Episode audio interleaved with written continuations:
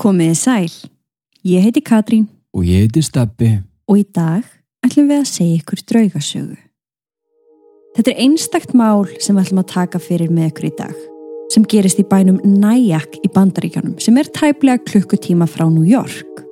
Þar, alveg upp við Hudson ána, setur fagur blátt hús sem virðist ekki vera neitt öðruvísi en húsin í kring. Það er að vísu töluvert eldra en mörg þeirra en það byggt árið 1890 en það er ekki að sjá á þau í dag. Húsið skartar þremur hæðum, átta svefnarbergjum og fjórum baðherbergjum. Út um alla glugga er síðan stórkonstlegt útsýni en ég verð bara að segja að myndir segja meira en þúsund orð svo endilega skoðið þær sem fylgja með þessari sögu svo þið áttið ykkur betra á því hvar við erum stödd. Hver byggði húsið eða hver bjóðar til ársins 1960 er ekki vitað en það virðist vera að íbúar þess hafi yfirgefið það einn daginn og aldrei snúið tilbaka. Svo þarna stóða, aukt, þánga til Helen og George Ackley keiftu það og fluttu inn með börnum sínum fjórum. Þá fyrst fóru sögusagnir og kreik sem enduðu síðan fyrir domstólum í New York með sögulegum afleðingum. En við skulum byrja á byrjuninni. Veri velkomin í Ackley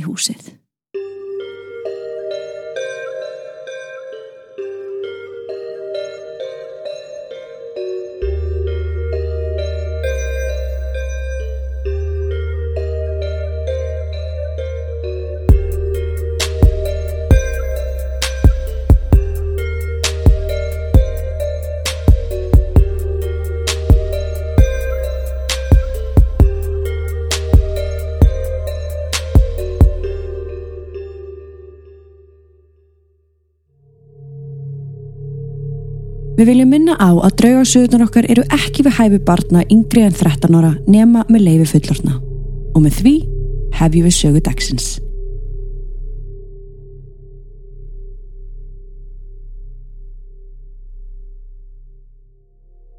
Sagan verður sögð frá sjónarhorni Helen en það var hún ófeimin við að tala um draugagangin og skrifaði ofinbyrjar greinar þrísvar sinnum um hvað gekk á þarna á heimilinu. Hún talar um að hafa séð húsið í fyrsta skipti á heitum sömardegi í júli árið 1967. Þarna stóða, í viktorískum stíl, en hún vissi að það hafði engin búið þarna í að minnst og kosti sjö ár. Þannig að við fyrstu sín var hún ekki alveg viss um hvað henni fannst.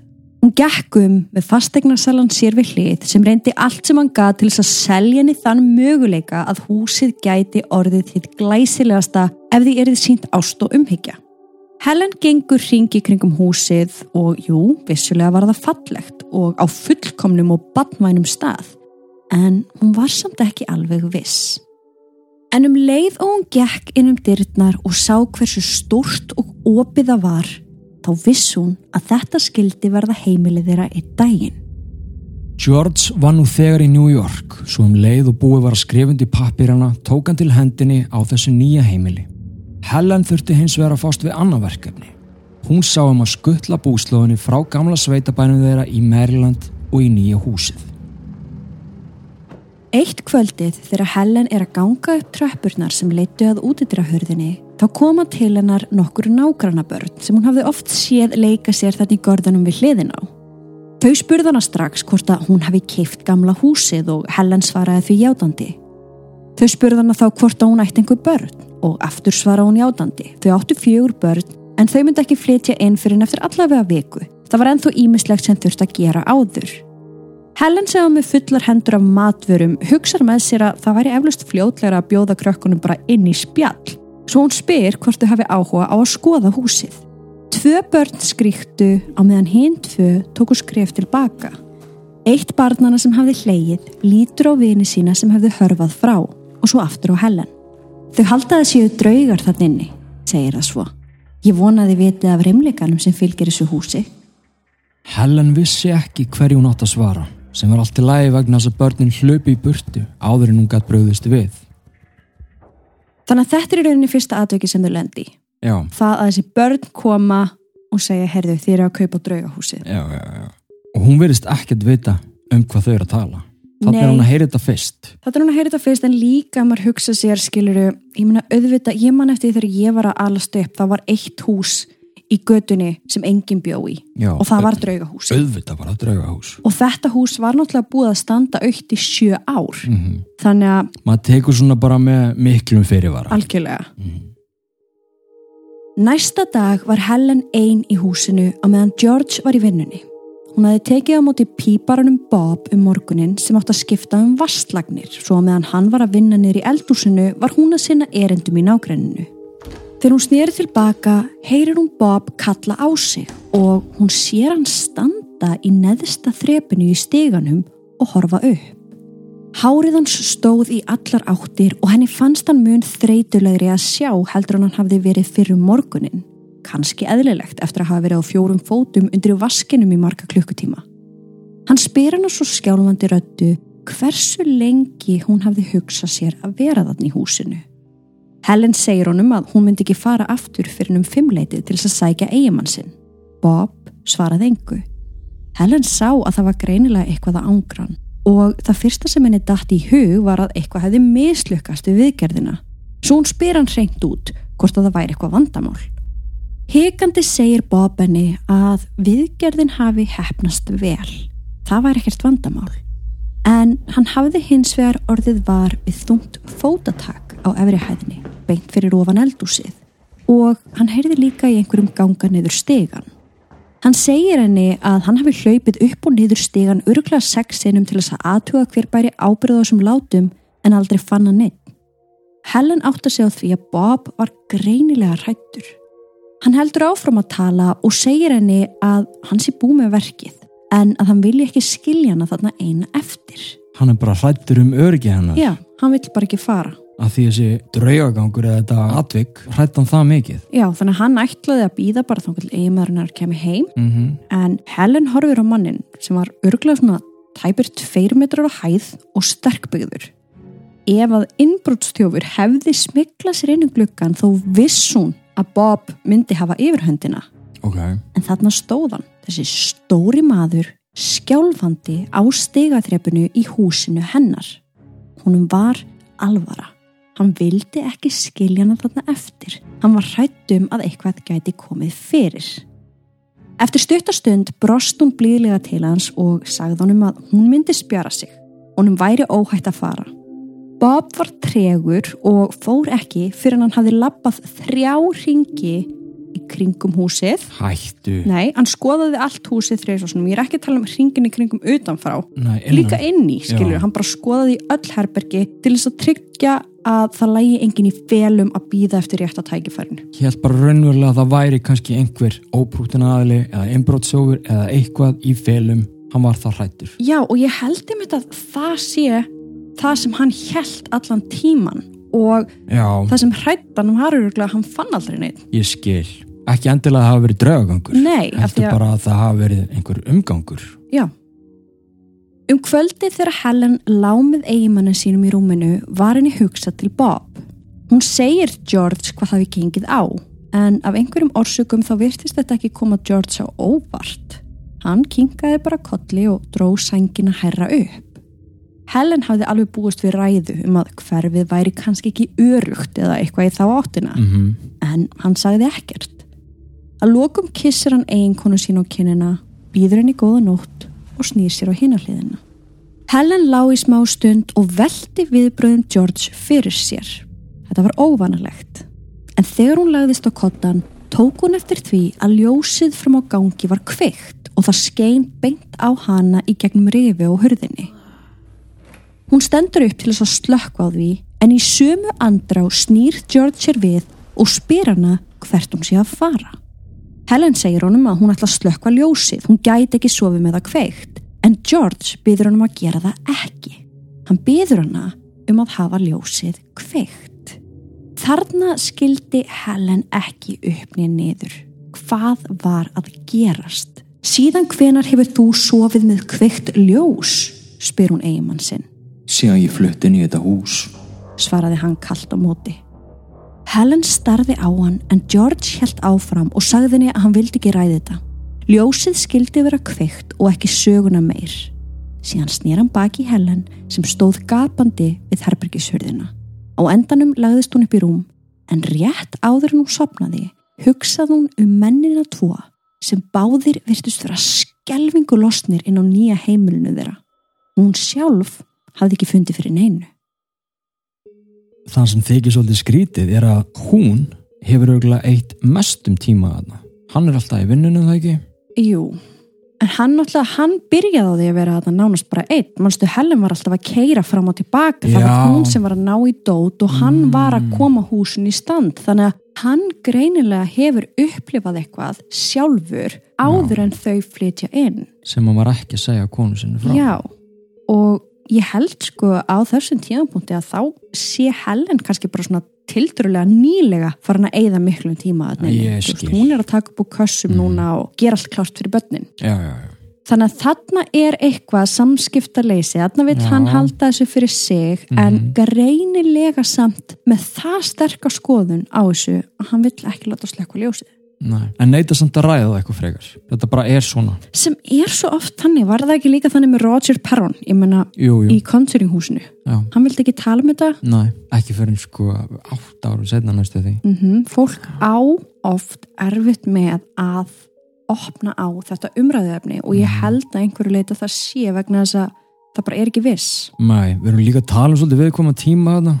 1970, 60. Já, já Þú varst ekki algjörlega að tala um draugagang. Hvað þá húsbóndin á heimilinu? og svo má heldur ekki gleyma því að jú, ok, fólk er ekki að tala um draugagang vegna þess að það er ekki viss hvað er að sjá en oft er það líka það að fólk er svo hrætt Það er líka hræðslan er svo sterk og þess vegna ertu ekki að tala það. Já, fólk er rætt við það sem það þekkir ekki.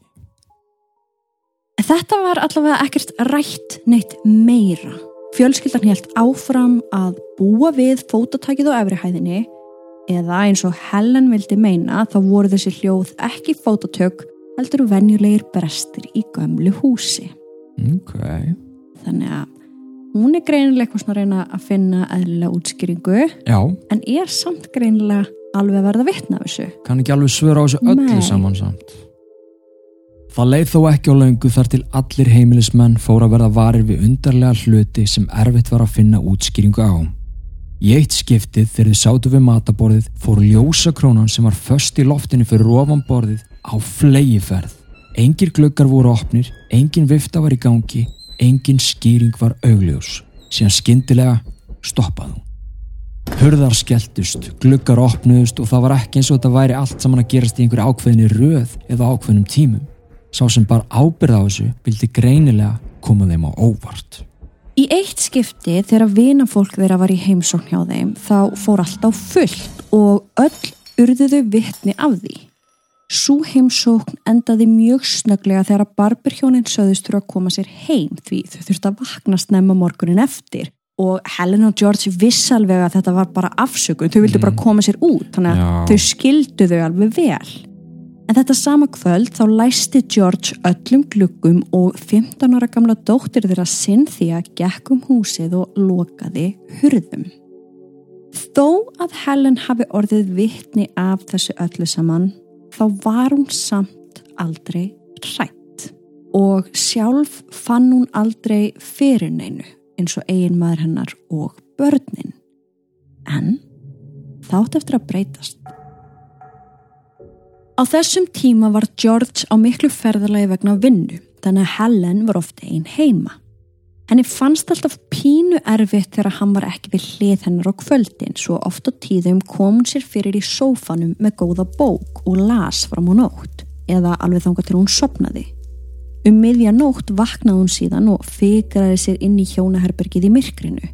Því Helen virtist nefnilega ekkert kippa sér upp við myrkrið annað en George. Nú, já, já, ok. En svo gerist það eitt vetrar kvöld þegar Helen stendur við gluggan í borstofunni, í myrkrinu og horfir á snjóin kingja niður og hverfa svo í ána sem hún hafi gott útsýni yfir. Þá allt í einu finnur hún ískaldan hroll umvefja sig vinstramegin. Það stóð einhver við hliðin á henni og hver sem þetta var, þá var hann mjög nálagt henni. Hún fann hvernig öll hárin á líkama hennar vinstramegin stóðu upp Svo mjög hægt og varfærnislega snýr hún höfði sínu. En það var engan að sjá. en hún vissi að þótt hún sægi engan þá var greinilega einhver sem stóð þarna hliðin á henni. Hún fann það. Áin er falleg, segir hún skyndilega uppátt, líkt hún væri að spurja einhvern. Sko, höfum það á henni hérna, hún er alls ekki róleg. Nei. Heldur vill hún meina að akkurat á þessu augnabliki hafa hún verið svo hrætt að líka mennar var fastur í einhvers konar streitu ástandi og hún segir líka að í daglegu lífi þegar streitan var mikil hjá Já. henni að þá talar hún um að hún er alltaf róleg, hún talar rólega Já, þannig bara bregst hún við ok. Þú veist, þetta sést ekkit endilega utan á henni ef það er eitthvað mikið að bjaga hana Innan í er hún bara Já. að fara yfir. Já, algjörlega, ég meina fólk er bara jafn misjamt og það er margt Mhm. Þú veist, einhverjur hefðu eflust hlaupið út og aldrei snúið tilbaka en ekki hellan Eftir að hafa spurt þessa spurningu upphátt þá átta hún sér samt á því að þessi nærvera var ekki neikvæð. Það var engin að ógnenni. Svo hún held áfram að standa og horfa út um gluggan hliðin af þessari veru sem hún ekki sá. Eftir mínútu eða svo snýr hún sér við og byrjar að ganga í áttað steganum en hún fann að nærveran eldana. Það var greinilega einhver fyrir aftanana sem ætlaði að fylginni upp í herbergi. Á þessum tímapunkti þá er hún bara að finna fyrir henni. Já, hún er ekki að sjá hana. Ekki að sjá hana.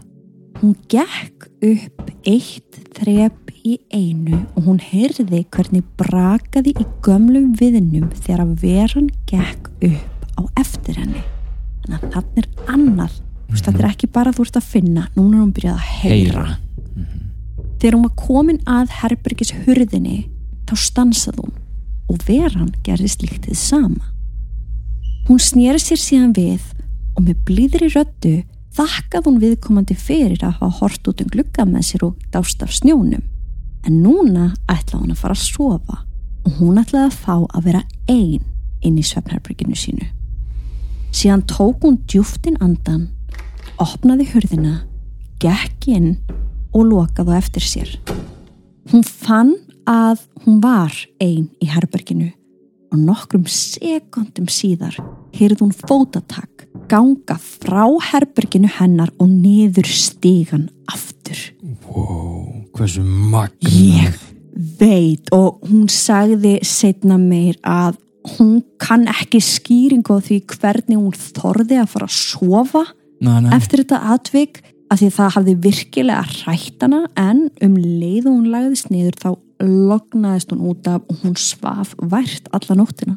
Hún hefur fengið frið. Mm Vá. Sannar íslenska draugasögur er podcast sem við hjónin byrjuðum með árið 2021.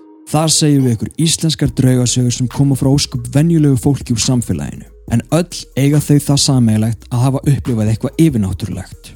Sögurnar eru sagðar í fyrstu personu eins og þær eru skrifaðar og eftir hverja sögu tökum við smá umræði, greinum hvað er að gerast og gefum ráð sé óskað eftir því. Þú finnur 24 þætti af sönnum íslenskum draugasögum á öllum hlaðvarsveitum en síðan eru við líka með áskriftasíðuna patreon.com skástrygg sannar íslenskar. Þar koma út nýjar sögur annan hvert föstudag og af og til koma litlar mínisögur í kaupæti. Til dæmis sagan um skikningáfur þar sem við tölum um og útskýrum mismunandi tegundir af skikningáfum. Hvernig sumir geta séð, aðrir geta heyrt og en aðrir geta fundið. Þessi þáttur fekk mikið lof á sínu tíma og ef þú telur þig vera næman einstakling þá gæti verið fróðlegt fyrir þig að hlusta á hann. Áskrift á Patreon virka þannig að þú skráir þig og nær síðan í Patreon appið sem er frítt. Þar farðu alla áskrifta þættina inn, getur lækað og kommentað. Fyrir þá sem að kjósa heldur að hlusta á áskriftaþættina sína í til dæmis Apple Podcast þá er það ekkert mál. Við skráningu færðu nefnilega RSS-link sem þú getur copy-pastað inn á þína hlaðvarsveitu og voila, þeir koma hérna í frá allir þangað inn. Patreon rukkar áskriftagjald mánaðarlega og það er engin binding. Svo af hverju ekki prófa eitt mánuð og sjá hvort að þarna sé eitthvað sem heillar þig. Ef þú þarft aðstoð með skráningu, ekki hika við að hafa samband hvena sem er á samfélagsmiðlum eða þú getur sendt okkur e-mail á sannar.draugasögur.com Cynthia dóttir þeirra hafði alltaf átt erfitt með að vakna á morgnana og í gamla húsinu þeirra lendi hún oft í því að sofa yfir sig og missa af skólabílnum. En Helen og George tók eftir því að núna var hún komin á róla á undan þeim. Ég hafði búin að fá þessu morguma þegar Helen kom niður tröppurnar í náttslopnum. Þegar móður hennar minnir svo á þessa breytingu við hana segir Cynthia henni að hún hafa ekkit val. Hún lýsir því svo hvernig rúmið þennar hristist harkalega alla morgna alltaf á sama tíma. Og ef hún reynda að hunsa það og sofa lengur þá var rúmið hrist aftur. Já, og hún hafði vist reynd allt sem hún gat til þess að láta þetta hætta. En Já. það var alveg greinilegt að rúmið myndi hristast alveg þanga til að hún stæði upp og fær á fætur. Bara einhver fórildra ímynd þarna sem er að passa upp á badnið. Algjörlega, en sko Cynthia hafði greinilega fengið þessa miklu róka hvort yfirnáttúrulegum hlutum frá móður sinni af því að hún virtist ekki vera neitt hrætt. Hún var bara pyrruð yfir því að fá aldrei að sofa út. Ég skil það.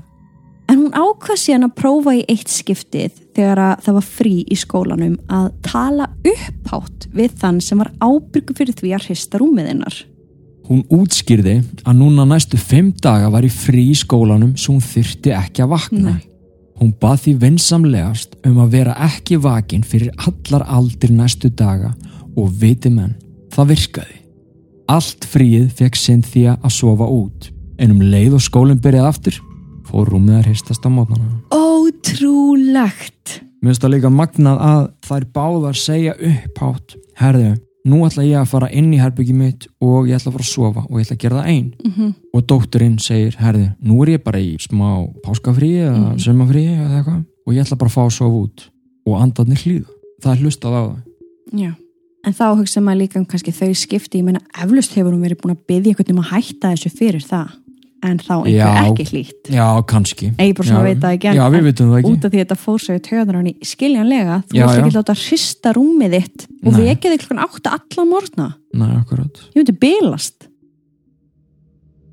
Helen talar um að þau hjónin hafi verið dugleg í framkvæmdum og hún hugsaði oft með sér hvort að draugarnir myndi ekki bara láta sig hverfa einn daginn út af látum, reiki og stanslusum breytingum. Hún hugsaði bara þetta er ekki boðlegt fyrir neitt, ekki Nei. einu sinni draug. Næ, Svo á þessum tíma þá virðist vera fjölskyldan sé búin að átta sig á því að þau væru ekki einu íbúar húsins og þau voru líka búin að fatta eins og þú sagðir áðan að þau gætu haft áhrif á það sem draugarnir gerðu með skipunum.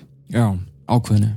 Já, og til dæmis eitt kvöldi þegar hjónin heldum matarbóð þá opnaðist þaklukkin óvænt með tilarandi látum svo það snjóaði inn. Þetta gerist tvívegis sama kvöldi þangar til George kallaði upphátt að þetta væri komið gott og glukkin var til friðs eftir það. Og þetta er bara það sem við erum alltaf að segja við fólk. Bara segiðu hluti upphátt og Mhm. ákveðið bara Mhm. af tilfinningu og bara meinið það. Það gerir helling. Þau voru líka byrjað að reyna að koma til móts við draugana. Til dæmis, þá voru allir glukkarnir læstir með stórum lás á veturnar. En á sumrin tókuðu lásana í burtu svo að draugarnir gætu opna þá og loka þeim á vild. Hmm. Mm Að þau voru greinilega hægt að kippa sér upp við það en auðvitað bráðum oft þegar þeir skelltust allir í einu alveg upp úr þurru. En Já. þau greinilega komist að því að þetta var eitthvað sem að öndunum fannst gaman að gera, það vildu gera Opna glugga eða Já. opna eitthvað. hver sem tilgangurinn var. Já, og þetta var bara svolítið svona samkomulega húst, við læsum þeim á veturnar en þið megið opnað húsumbrinn Bara svona eins og láta lítið barð fór fjastringuna. já Einn daginn ákvað Helen að ráðast í framkvæmdir í stofunni sem hafði setið svo litið á hakanum. Hún var málið í gráum lit sem var ekki miklu uppáhaldi hjá hjónunum. Helen hafði farið í málingabúð og valið annan lit og þennan daginn stóð hún upp í háum stiga með málingapensil í höndinni þegar hún fær allt í einu á tilfinninguna að einhver væri að horfa á sig. Þetta var ekki óvenjuleg tilfinning svo sem, hún vissi að hún var nánast aldrei einn en akkurat þarna fannst henni þetta óþægilegt þar sem að George var í vinnunni og allir krakkarnir í skólanum. Hún var alein. Helen hættir að mála, snýr sér við og lítur niður. En hún sá engan. Hún hjælt þó áfram með verkið en tilfinningin var ennþá til staðar. Það var einhver að horfa á hana. Þannig að hún ákveður að tala upphátt það hafði gagnast þeim vel. Svo hún spyr hvort að þeim líki nýji liturinn sem hún var að setja á vekkin. Hún fekk ekkert svar og heyrði engin hljóð svo hún held áfram að tala. Ég vona að þið séuð ánægt með þessar breytingar sem við erum að gera við húsið. Ég vissum að það hafi verið stórglæsilegt þegar það var nýbyggt. Eftir að hafa sleft orðinu fann hún mjög greinilega fyrir því að það var einhver bakvið hana sem að starði á hana. Svo hún lítur aftur um auksl og þá sá hún hann. Á gólfinu satt maður upp við arinin. Hann var með brós á vör. Hann hjælt utanum fætur sínar og ruggaði fram og tilbaka. Helen rak upp stór augu en síðan hægt og rólega þá kvarfan beint fyrir framann nefið á henni en þá brosandi. Þannig þarna vorum búin að sjá einhvern anda Jep, bara með berum augum. já. Helen segist að vissum að þessi andi hafi þarna verið að sína sig til þess að seginni að hann væri ánægður með nýja litin og framkvæmdunar á húsinu. Og munum að sömur geta bara sínt sig, sömur geta bara búið til hljóð Mm og þarna er kannski svarið sem að hún var að býða eftir. Þá vildi hann svara með því að sína sig. Já. Kannski gæti hann ekki gert bæði. En ég meina, gast ekki bara staðið í hurðið eða eitthvað. Þú styrstur að vera í nefri á gólfinu, brosandi að rugga þér. Mér finnst það bara cool. Mér finnst það super creepy. En eftir þetta þá hefur Helen reynt að lýsa honum eins vel og hún man. En hún talar um að hann hafi verið með smitandi bros og að hún hafi séða á honum að hann hafi verið gladur. Já, já. Hárið hans var stutt, alveg hvítt og augun hans voru stingandi blá undir þykkum hvítum augabrúnum. Hann var klættur í ljósblá jakkaföt sem voru greinilega vel með farin þó að jakkin hafi kannski verið númeri of lítill. Ermarnar voru brettar upp við úliðinn og hann var klættur hvítri skirtu sem var neft alveg upp. Hún sá háa hvíta sokka gæjast undan buksnaskálminni og á fótum bara hann svarta gljáandi skó með sylgju. Nú, bara flottu kall. Ekkert smá, en þetta er ekki smá, Lýsing. smá lýsing. Já, þetta er bara rosalega dítælt og nákvæmt. Hún hefur greinlega séðan ekkert smá skýrt og örgli í Mhm. svolítið tíma. Já. Eftir að Helen saði frá þessi ofinberlega hefur hún þurft að svara fyrir sig þegar fólk er að efast um þessa upplifun hennar. Hún tekur það fram að hún hafi ekki verið að drekka áfengi. Nei. Hún var ekki vími út af sterkum málingar eitur gufum og hún getur ekki svara spurningunni af hverju hún sá hann. En hún er staðföst á því að maðurinn hafi verið gladur og ánæður yfir því að vera þarna með henni inn í þessu rými. Hún enda svo loks á að segjast vera stolt af því að hafa fengið að sjá hann loksins Já. því að hún var búin að finna fyrir honum Mhm. eða fleirum jáfnvel Mm og þarna fekk hún loksins sjónræna staðfestingu að því Sem er rosalegt sjokk í fyrsta skipti Já, og getur virkilega setið í þér algjörlega. mm. Fyrst þegar Helen saði fjölskyldinu sinni frá þessum manni þá var Cynthia dóttir hennar mjög áhugasum vegna þess að hún sjálf hafi séð anda inn í sínu herbergi Mm. en hann var þó allt öðruvísi en maðurinn sem móður hennar lísti Þannig að það var ekki sami andin. Nei, þannig það eru fleiri þarna Já, alveg klárlega.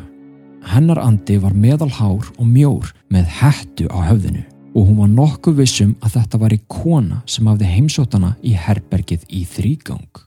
Ok, þannig að það er maðurinn hann með sem er að sína sig Mhm. Helen og Cynthia er að sjá þessa konu. Þrýveis, hettu klæta konu. Já. Ok.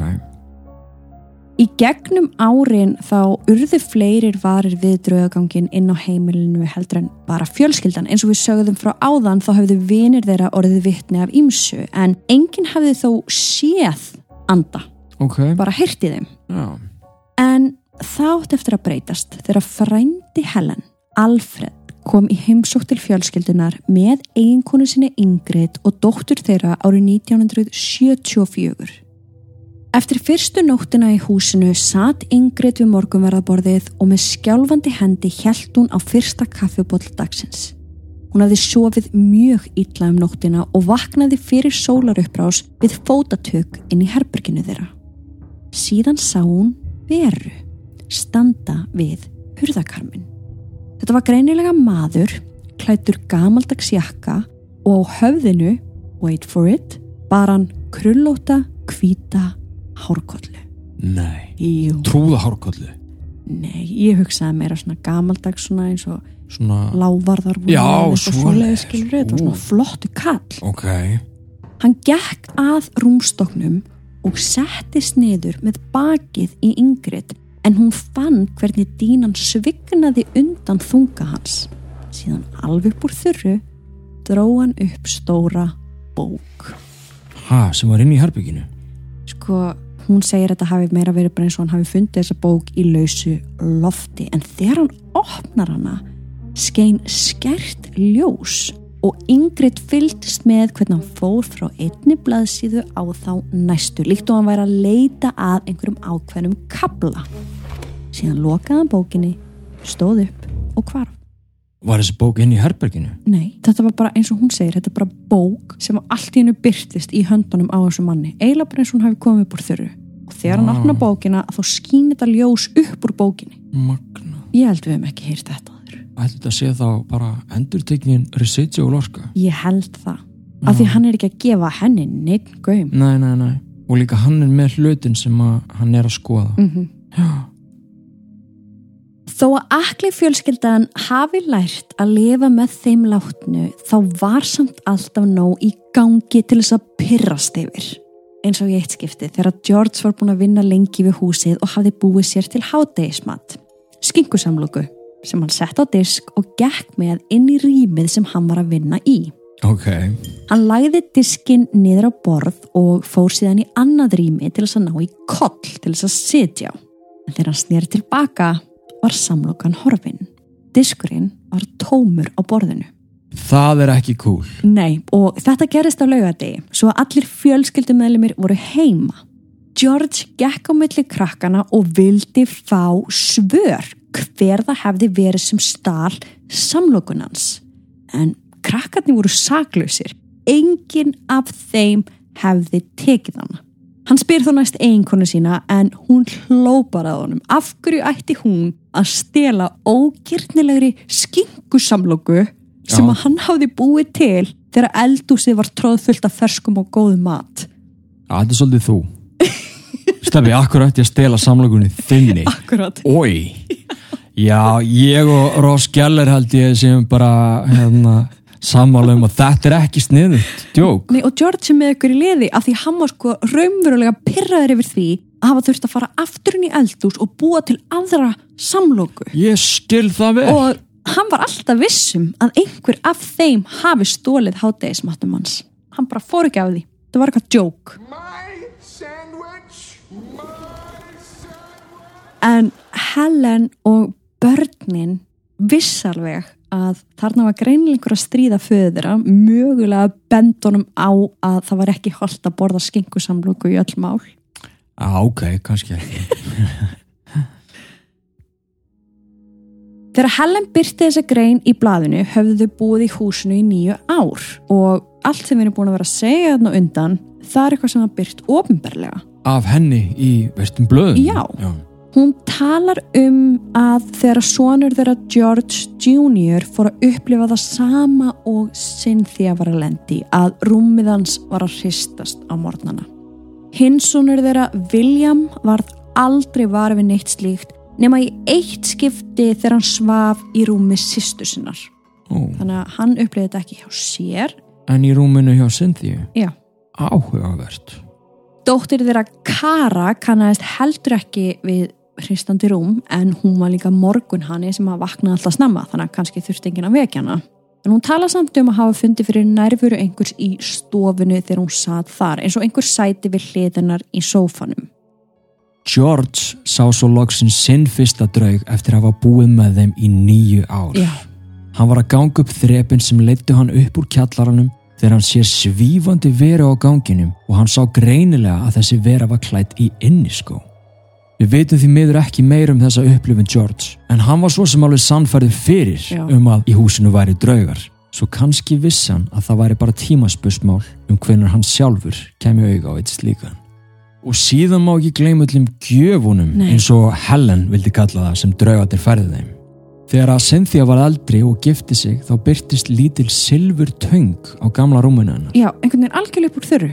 Hvaðan? Ég veit ekki, ég meiri segja held að herbyggja hafi ekki verið þarna í nótkunn. Ég held að þetta var stórt hús en Cynthia er þarna flutt út, hún er að fara að gifta sig og Svo byrtist þetta í gamla herberginu hennar sem er ekki í nótkun. á rúmunu, já. Úr engu. Mm Wow. Og þegar að fyrsta barnabarni kom í heiminn fann Helen lítinn fallegan gullring á eldúsborðinu og sama hvað þau reyna þá gáttu þau ekki fundin en eðlilega skýringu á því hvernig þessi munir byrtust allt í einu upp úr þurru. Nei, og líka vegna þess að þeir hurfu síðan nokkrum dögum setna. Ha? Þeir byrtast og hverfa. Það er ekki skemmtileg gjöf. Nei. Þess vegna var það líklega sem að þau töldi þetta að vera gjafir frá öndum húsins sem voru að, þú veist, já, gleðja þau við einhver tækifæri. Gleðjast með þeim, Já, já, sko, já, já. þú veist. En það minnir mér náttúrulega rosalega mikið á þessar glerkúlur Já, sem að geta oft byrst upp úr þurru sérstaklega í pólturgæstmálum. þegar það eru poltergastmæl Mhm. og það er eitthvað svona svipað hún endar allavega þessa grein á því að segja að þessir andar séu orðnir hluti af fjölskyldunni þau eru orðin vön þeim og gæti eiginlega ekki hugsa sér lífið án þeirra og því sem hún byrjaði að hugsa með sér að ef að þau hjónin myndu setja húsið á sölu og flytja myndu andarnir þá fylgja þeim eða vera eftir í húsinu Við erum að tala um að við erum engöngu búin að vera vitni í eina grein af þessum þremur ekki satt Jú. sem að hafa byrst ofinberlega. Jú, en þær eru allar í þessum dúr. Já, segja þess að frá sömu atvikum það var greinilegt að Helen Ackley fannst ekkit erfitt að tala ofinberlega um draugagangin sem hún og fjölskyldanina byggu við. Nei, þannig að bæjarbúar næjak vissu vel að hús nummer eitt á Laveta Place væri reynd. Mm Fólk er að segja hvort öðru frá greinum sem þau höfðu lesið í blöðum eftir Helen Ackley og auðvitað voru margir skeftískir og þar á meðal nágranni hjónana. Já, já. Það var ekki fyrr en að gestur í matarbóði hjá Ackley hjónunum datt niður dauður eitt kvöldið. Ha, Dánar orsök var slagæðagúlp í heila. Ég er ekki læknir en ég held að þetta sé einhvers konar blæðing inn á heila og er bannvænlegt ástand. hárétt. Já, er það? Jú, jú. Vel gert. Já. Eftir þetta döðsfall fór fólk að trúa að það væri eitthvað yfir náttúrulegt tengt húsinu eins og það þurfi bara einhver að deyja var inni Já, til þess að það gæti verið reynd. full mikið en ok. En Helen held áfram að segja að draugarnir væru góðir og myndu aldrei gera neinu mein. Þetta hafi raunverulega bara verið hræðilegt atvik sem að enginn gat séð fyrir. Akkurat. George eiginmaður Helen lætur svo lífið á spítala eftir hjartaaðgerð árið 1978, aðeins 53 ára aldri. Já, og við vitum að árið 1990 þá bjó Helen ennþá í húsinu á samt börnum sínum, barnabörnum og tengdabörnum. Við erum að tala um stórt hús. Já, einhver staðar á þessum tíma á milli þess að greinarnar koma út, gestur deyr og George lætur lífið eftir hjartaðgerina þá opnar Helen heimili sitt fyrir gestum og var húsið hennar eitt af fimm húsum í Nyack sem var partur af Haunted Attraction leiðsögutúrum Ég skil. draugasögu leiðsögutúrum Já, þannig að gestir gátu skoða það á einhverjum ákveðnum tímum og eflaust fekk Helen greitt fyrir ónæðið. Ég skil. Það næsta sem að gerist er að Helen setur húsið loks á sölu þarna árið 1990. Eflaust voru börnin að flytja út og hún vildi minka við sig. Mystík er hlaðvarp sem fjallar um skrítin og dularfull mál. Morð, mannskvörf, myrkraverur, mannrán og aðrar misteríur. Þættirnir eru allir mismunandi uppsettir eftir því hvaða mál er tekið fyrir hverju sinni. En ef þú hefur gaman að trú kræm og allir því skrítna og undarlega sem er að gerast í heiminum, þá skaltu prófa að hlusta á þessa þætti. Þeir eru frýir og koma út vikulega á þinni hlaðvarsveitu. Mystík er framleitt af Ghost Network.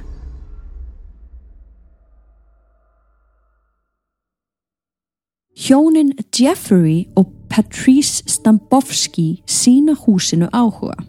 Þau byggu í New York sem er eins og við sögðum áðan tæpum klukkutíma frá Nyack. Þau vildu breytum umhverfi, komast frá áreitinu í Stórborginni og flytja inn í setrið við Hudson Anna. Og hér koma skiptar sögur og ég ætla að segja ykkur þær báðar. Og eftir það skal ég segja ykkur hvor atbyrðarásinn er líklegri að hafi átt sér stað eftir mikla rannsóknarvinni. Ok, ok. Fyrsta frásögnin er svo að Jeffrey og Patrice hafi skrifað undir samning og í honum fólst að þau myndu greiða 35.200 dollara fyrirfram og restina þegar þau fengu húsið afhend. Fastegnarsælinn ringir í Helen og segir henni góðu fréttinnar.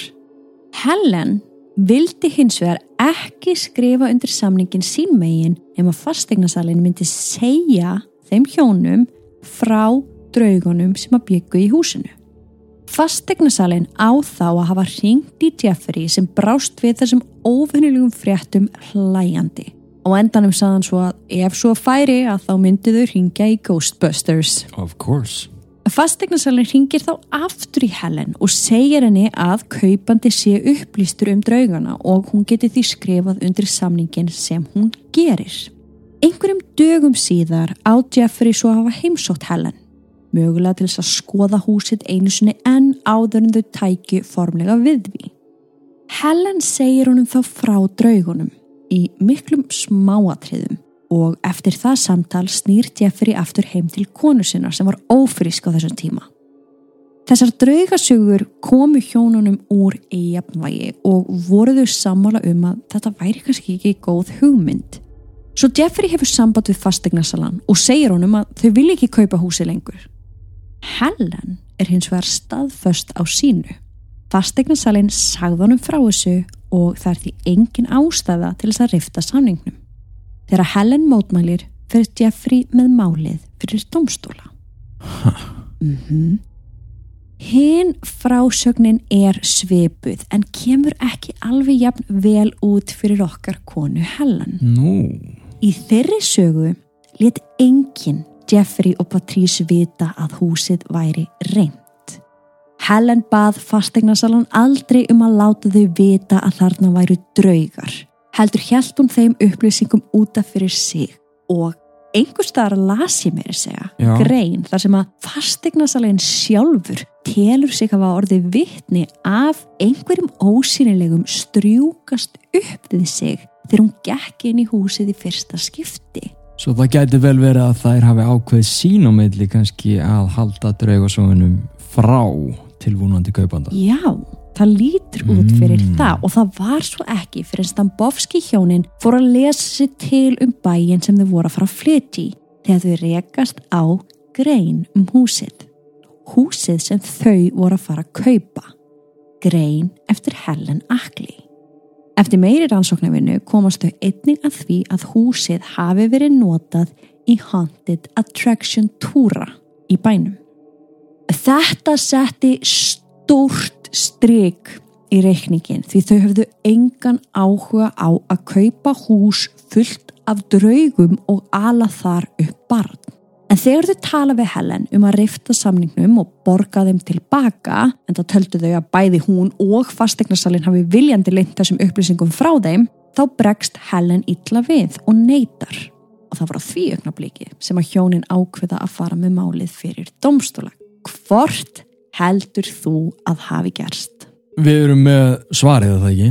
Ég er svona 80% viss. Ok, ég held að það getur ekki verið að þau hafa ekki vita af þessu ef það hafa búið að byrta greinar og alls konar þá getur ekki farið að fara í þann leik að fela það og leina þeim upplýsingum frá Góðu punktur. myndi ég halda sko ef þetta var notað í Haunted Attraction þú ert sjálf búin að byrta þrjár greinar í blöðum það er rosalega erfitt að fara að leika þann leika að þú ætlar að leina þessum upplýsingum sko. Þannig að þú heldur að Helen hafi sagt satt og rétt frá. já, en hann hafi einmitt kannski ekki alveg trúa þessu Mm -hmm. og svo þegar að kom loks að þessu þá hafa hann bara svona, oh crap þetta er bara í alvöru Sko, þetta er allt góði punktar. já, Og ég var ekki viss fyrst bara hvort væri rétt. mhm En ég held að setni frásögnin sé rétt. Ég held að Helen og fastegnasalinn hafi ákveðið að vera ekkit endilega minnast á þetta. Og þar sem Mm. að Jeffrey og Patrice voru ekki þaðan, þau byggu í New York já, já, já. þau voru ekkit endilega að lesa greinar sem voru að byrtast í bæjarblaði Næjak rétt þannig að, og ég meina á þessum tíma kannski var internetið ekki svona Nei, nei, þú varst ekki að googla Nei, húsið þannig að, veistu, ég veit það ekki Nei. en hvernig fór dómurinn? sko sama ár fer málið fyrir New York Supreme Court en því er vísað frá á þeim grundvelli að það væri á ábyrð kaupandans að skoða húsið hátt og látt áður en hann skrifað undir samning og borgaði fyrstu greiðslu. Mm Þannig að endurgreiðslu var neitað og áttu Jeffrey og Patrice að standa við sinn hluta samningsins og kaupa húsið. Já, ok, ég skil þennan dóm, ég meina Mhm. þetta er bara kaupsamningu sem er gerður, Já. báðir kvitt undir og, Mhm. og þannig bara ferlið komið í farveg. Já, ég meina það er bara undir eðlum kringustæðan þá er kannski fólki sem var að selja og sjálf búið að kaupa. Þú veist að hafa áhrif, þetta er, þetta er Já, keðjunaverkun. já, já. En hjónin áfríðu málinu sem var tekið aftur upp árið 1991, Árið síðan. árið síðar. Þar var sagt, jú, vissulega er það á ábyrð kaupandans að kynna sér ástand eignarinnar. En það er svolítið erfitt þegar að það sem er að húsinu er ósýnilegt og engin annar sér eða finnur fyrir því nema sá sem á heima þar. Rétt. Og þetta finnst mér alltaf svo merkilegt þegar fólk er bara, hvað eru þau hjá draugasögum að rukka fyrir að, að reynsa hús? Hvað skrifa þau um nótirna? Já. Við höfum aldrei og við munum aldrei rukka fyrir slíkt Nei. en þetta er bara basically það sem við getum sagt og við hugsum stundum hver eru við að segja að við göngum inn í þitt hús og tökum þetta ósýnilega burt og segjum að við höfum tekið Akkurat, í hvernig stöður við að geta sagt það akkurat. Þannig ok, ég skil það Og svo auðvitað það sem Helen var búin að tala ofinbarlega um reymleikan í húsinu og í rauninni búin að gera allt sem hún gat til þess að fá stimpulinn haunted á húsið eða mm stimpulinn reymt hús Já, þá gæti það komið eigendum húsins illa upp á endursölu. mm, já, Það var því ákveðið að leysa hann undan samningnum en hann fekk ekki peningin sinn tilbaka. Hann fekk í rauninni undankomulið. Já hann þurfti ekki að borga allt húsið og kaupa það Nei, en hann fekk ekki þessa niðugreiðslu þarna fyrstu endurgreiðta Nei. ok, sem hefur örgulega verið talsverið peningur samt sem aður og þungur bita að kingja já, og kannski bara núna þá spyrja margir sig hvernig þetta er á Íslandi. Já, og þá er kannski fróðlegt að minnast á að núna í ágúst 2022 þá eru gildandi reglur þannig að seljandi ber að upplýsa kaupanda um að það sé draugagangur eða reymleiki í húsinu ef Mm. kaupandin spyr að því. Ah, ef að kaupandin spyr ekki hvort það sé draugagangur í húsinu sem hann er að fara að kaupa þá þarf enginn að segja hann svo getur þið bara að díla við Guð eða hvað sem þið trúið um samviskun ykkar. En þannig er það á Íslandi. Já sko nágrunn okkar var nefnilega fastegnasali og ég man að þið rættu þetta oft hann sagði þér þetta, er það ekki? jú, jú, jú. ég vildi nefnilega fá bara svona hvernig er þetta bara svona alveg reynd út og þetta er svörin og hvers það að lasa þetta svo líka Þannig að það fer samt líka eftir því þú veist hvern þú spyrð og ekki segjum sem svo að við séum hjón sem búum í þessu húsi. Ég sé einhvern. já, Ég trúi en ekki þú. Já, ég sem eigin maður bara nei, Já, er Þannig að ef að kaupandinn spyr mig já, þá þarf ég að segja ef kaupandinn spyr þig þá getur þú sagt nei. já ef það er einhver fastegnarsali hérna með smá svona mót, rök eða eitthvað til þess að leggja smá orði í belg endilega skjótið á okkur Já og skjótið á okkur einhverjum sögur fyrir sannar. Einhverju fastegnasala sem eru með góðar sannar íslenska draugasögur af einhverju svona ruggli. Einhverju svona flækju. ég held að fastegnasalar eigi alveg lumi á einhverju svona Ég góðum nefnilega held draugasögum, það sko. líka. það hlýtur eiginlega að vera Já og einmitt líka hérna við höfum fengið sendar sögur í hitlaðvarpu okkar sannar íslenska draugasögur Mhm. þar sem að fólk er einmitt að skrifa sögu og segir þið ættu að skoða gamla húsi mitt. En ég var að selja það, ég veit ekki hvað kaupandanum finnst um það. Já, já, já. Hann var að fá það afhengt fyrir mánuði. Við alveg fengið nokkra svona sögur. Þar sem að kannski spurði enginn Nei, en ég meina, já, samkvæmt gildandi reglum, þá er þetta bara þannig að þetta, Þetta er í reglum á Íslandi í dag. Já, þetta er ekki lög. Nei, nei, þetta er bara reglugerðir. Áhugavert. Mm. en þetta mál sem við erum að taka fyrir þetta er fyrsta og ef ekki bara eina málið af þessum toga sem hefur komið fyrir dómstóla í New York. Wow. og ég gerði smá rannsóknarvinnu til þess að aðtöga hvort ég fyndi einhver fleiri mál í svipuðum dúr. Mm en það er greinilegt að þetta mál stendur upp úr og er kent í lögfræðideldum bandaríska háskóla í dag já, ok. Og hefur það fengið við nefnið Ghostbusters Ruling. Ah, já, því þetta er orðið svona mál sem verður alltaf vitnað í bara hér eftir. já, algjörlega. Sko það hafa verið mál sem ég sá bara svona til gamans Mhm. í svona haunted attraction húsum sem eru gerð engungu fyrir þetta. Já. það var til dæmis tíur og stelpa sem að hljópa á vegg þegar einhver kom og var á bræðinni ok, hún hleypur á vegg og slasast, ekkert alvarlega en hún meiði sig, já, já. Það er eitt mál og svo var annar mál um 84 ára gamla konu sem að slasaðist þegar að djöfullin hljóp til hennar. Uh, ok. Í Haunted húsi Haunted Attraction húsi. Ó, var ekki, ég, bara, ég borgaði ekki fyrir djöfulinn, Nei. segi gamla kona en hún borgaði ekki fyrir djöfullin henni sem sagt bræður svona rosalega já, þegar djöfullin hoppar og hræðir hana. Já, við erum að tala um mann í búning. Já, já, já, hún Já. er inn í þessu, inn í þessu ferðalagi, inn í þessu haunted attraction og hún slasast. Aftur Ok. ekkert alvarlega en samt. Já, Þessum málum var vísað frá enda á fólk að búast við því að vera hrætt og vera í myrkri á svona stöðum. já, ég menna er ekki skrifa þetta er bara svona eins og þegar þú ferði í röss með krakka þeim bara, þú ert hér á eigin ábyrð og að þú ert með gangráð eða einhverja hjarta sjúkdóma ekki koma Já, þetta var örgulega fyrir þau. Ör, ég menna þetta Já. var fór fyrir dómstóla. Þetta er alveg tvö alvöru mál. já, ok, ok Þannig að, já, þetta er áhugavert. Þetta dómsmál fekk auðvitað sína aðtegli og eftir að Stambovski hjónin voru leist undan samningnum fór húsið aftur á sölu. Nema í þetta skiptið ringdi inn tilbóðum því að það voru Ka-ching. margir sem hafðu einmitt áhuga á að kaupa reymt hús. ok, og nú er Stambovski bara Mm. Já, ég veit þess að ekki, ég meina hann vildi ekki kaupa húsið ég menna, come on Já, þetta er, sko. er leðilegt, þetta er erfitt. Helen seldi húsið til kanadíska kvikmyndagjara mannsins Adam Brooks sem að bjóðar í meir en 20 ár. Helen sjálf flutti til Orlando. Adam seldi svo húsið til söngkonunar Ingrid Michaelson sem að bjóð þarna frá 2012 til 2015 og rapparinn Mati Sahu hann sem við veitum ekki hver er Nei. kaupir húsið svo 2015 en setti það aftur á sölu árið 2019.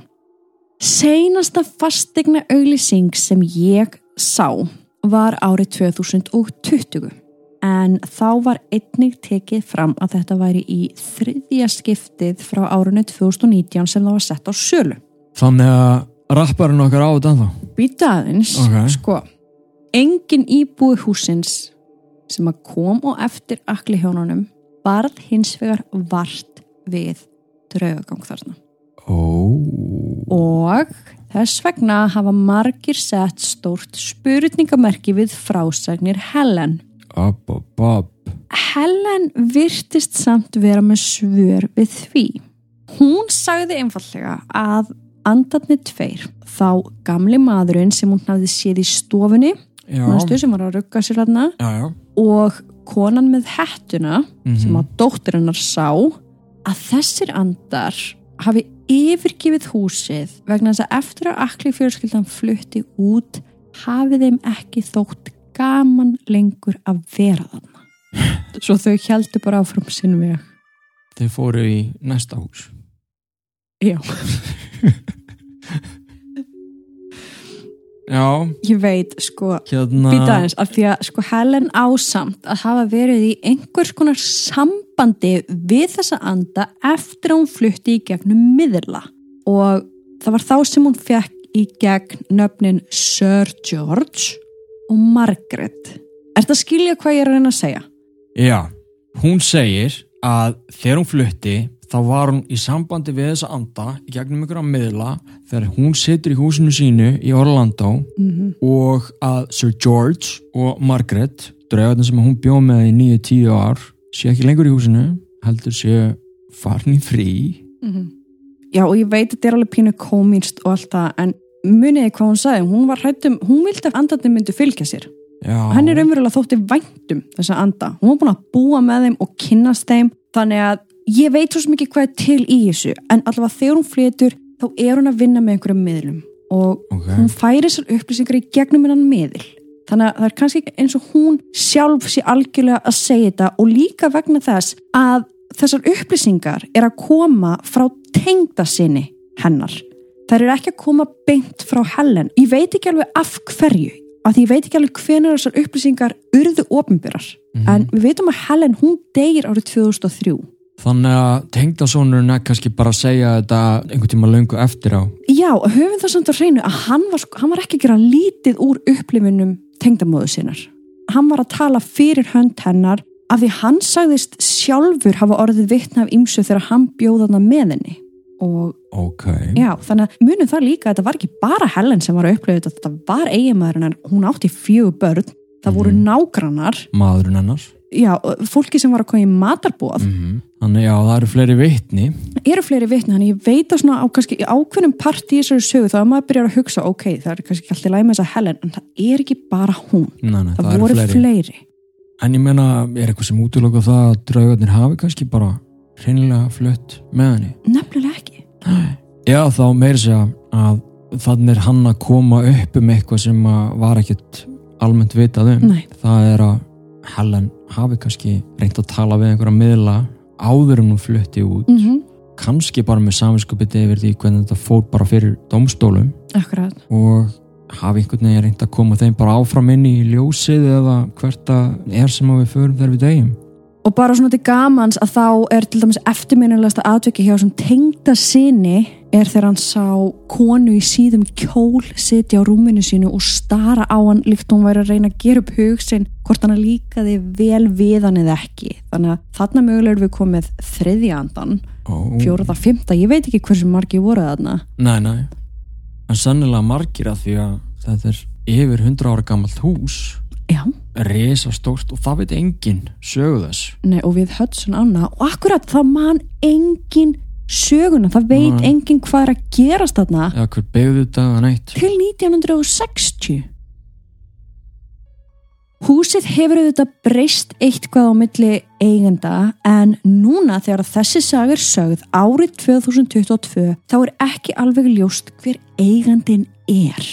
Mér síndist ég sjá inn á VF fastegnarsölunar að húsið hafi verið selt árið 2021 en það hefur ekki verið gert ofinbert hver eigandin er eftir því sem ég best veit. Húsi var skráð selt 27. mars nánatildegið 2021 en það er allavega alveg ljóst að þessi rappara sem tók við því reynir að selja þrjusásunum, það gengur illa. Loksins er það selt 2021 einhver kaupið það, engin veit hver. Nei. og hvort að orðspor húsins eða ofinbyrjar greinar að skemma fyrir er eiginlega erfitt að segja til um. Nú eða því að þetta er náttúrulega fyrst á jafnvel eina húsið í bandaríkjunum sem hefur verið talið lögulega reynd fólk vil kannski ekki vera að blanda sér í það en þá er það hinhliðin sem við erum alveg pínum búin að diskutera ég og þú. Já, af hverju frægir paranormal rannsakjandur ekki að keppast um að fá að skoða þetta hús? Já, það er spurning. Kannski bara fæst ekki leifi til þess. Það gæti verið. En þeir væri þá kannski vanlegir að kaupa húsi akkurat, akkurat. En kannski sagan of svona tengist svo miklum lagalegum hlutum og dómsmálum. Þannig að kannski þóra er ekki í þann slag kannski. En kannski líka bara vegna þess að eina fólki sem taldi húsi vera reynd var akli fjölskyldan. Já, ég meina leikstjórin Adam bjóðin í 20 ára án þess að minnast orð á draug og maður hefði nú hugsað leikstjóri, myndir ekki reyna að gera eitthvað við þetta? Já, já ekki komið einmitt. hérna með brjála hugmyndir. einhverja góða hugmynda að bíómynd? Já, en auðvitað gæti það alveg verið að hafi verið drauggangur hérna inni sem hafi síðan farið út með Helen Ackley þegar hún flutti. Þú þetta er, Mhm. maður getur svona trúa því sem maður vill svolítið. Já, og svo líka svo mikið af fólki sem að býr við draugagang já, sem að myndi aldrei segja Nei. að það búi Nei. með draugagang. Og bara svo að því við tölum líka um þetta fólk sem trúir ekki á drauga það getur búið rosalega lengi með draugum. Þú getur vanist hinnum ymsu hlutum mm og látið margt bara framhjáði fara. Algjörlega. Ef þú vilt bara haga því þannig. Og ég meina það er ekkit óhugsanlegt að þessir andar hafi fyllt Helen og andar geta hengt sig á ákveði fólk eða, eða ákveði ég vil að halda áfram inn í ljósi þegar þeir telja sér tilbúna að sleppa tökum á okkar verallega heim. Allavega, sama hver niðurstaðan er þá er þetta áhugaverð saga og einstakt mál sem drauganördar eins og við ættum að þekka því það er alls ekki hverjum degi sem við ræðum um löglegan draugagang